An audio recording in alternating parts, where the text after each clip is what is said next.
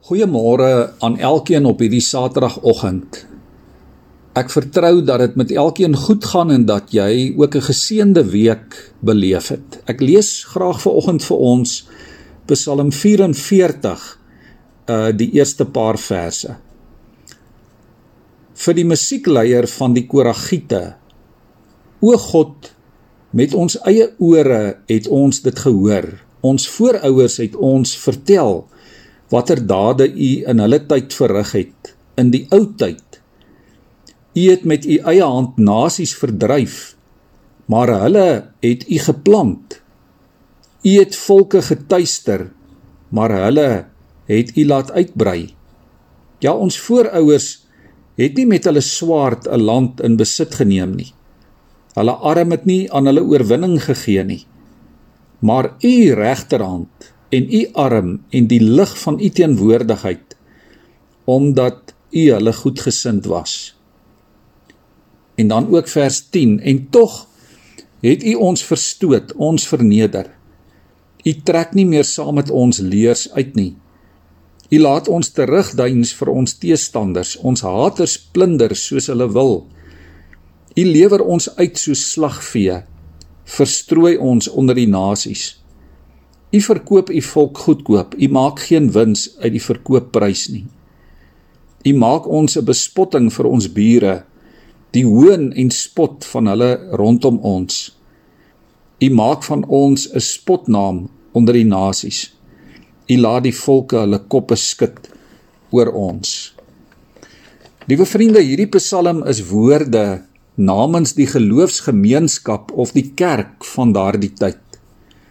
Die gelowiges kyk terug na die verlede en hulle dink ook oor die nood wat hulle tans in die hede beleef en dan bid hulle ook vir hulp en verandering vir die toekoms.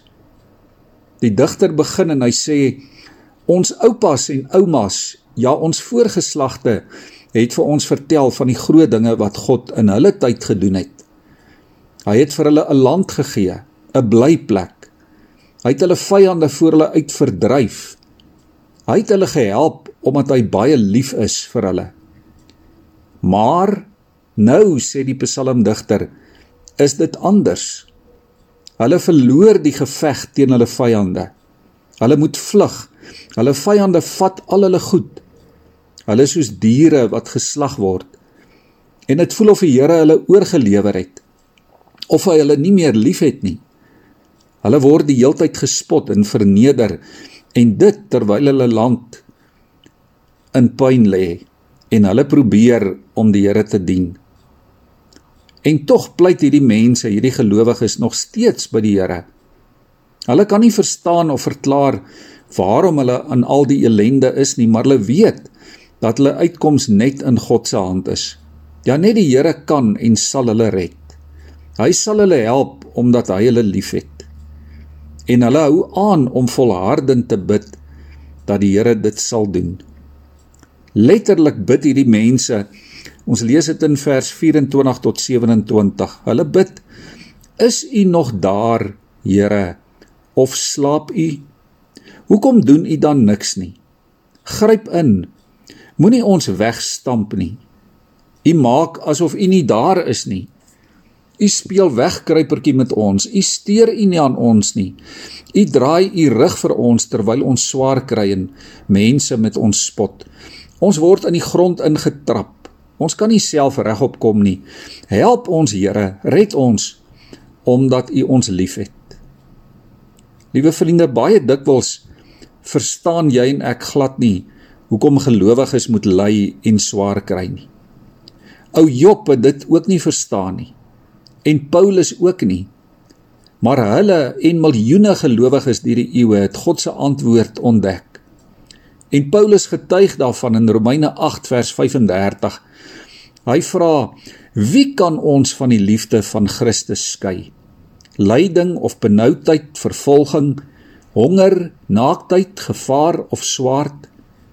En dan haal hy Psalm 44 aan as hy sê: Daar staan geskrywe: Dit is oor U dat die dood ons dag vir dag bedreig.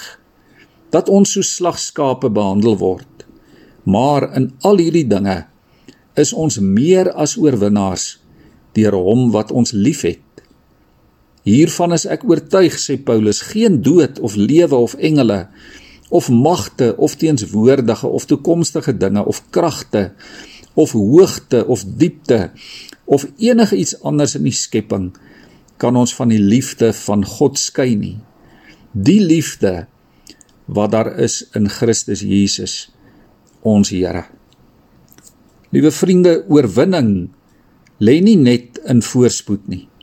Dit lê nie net in sukses of in die afwesigheid van lyding en swaar kry nie. Oorwinning lê in die liefde wat Christus Jesus die Here vir ons het. Ons buig ons hoofde in gebed voor hom. Here, ons gebed vir môre is dat U ons ten spyte van en te midde van alles bewus sal maak van U ewige liefde vir ons. Here, laat ons weet dat ons oorwinning nie lê in wat ons in hierdie lewe wen of verloor nie. Maar Here, die oorwinning lê in U beloftes. U beloftes van getrouheid en sorg. Here, kom gee vandag vir ons hierdie oorwinning oor ons omstandighede. Amen.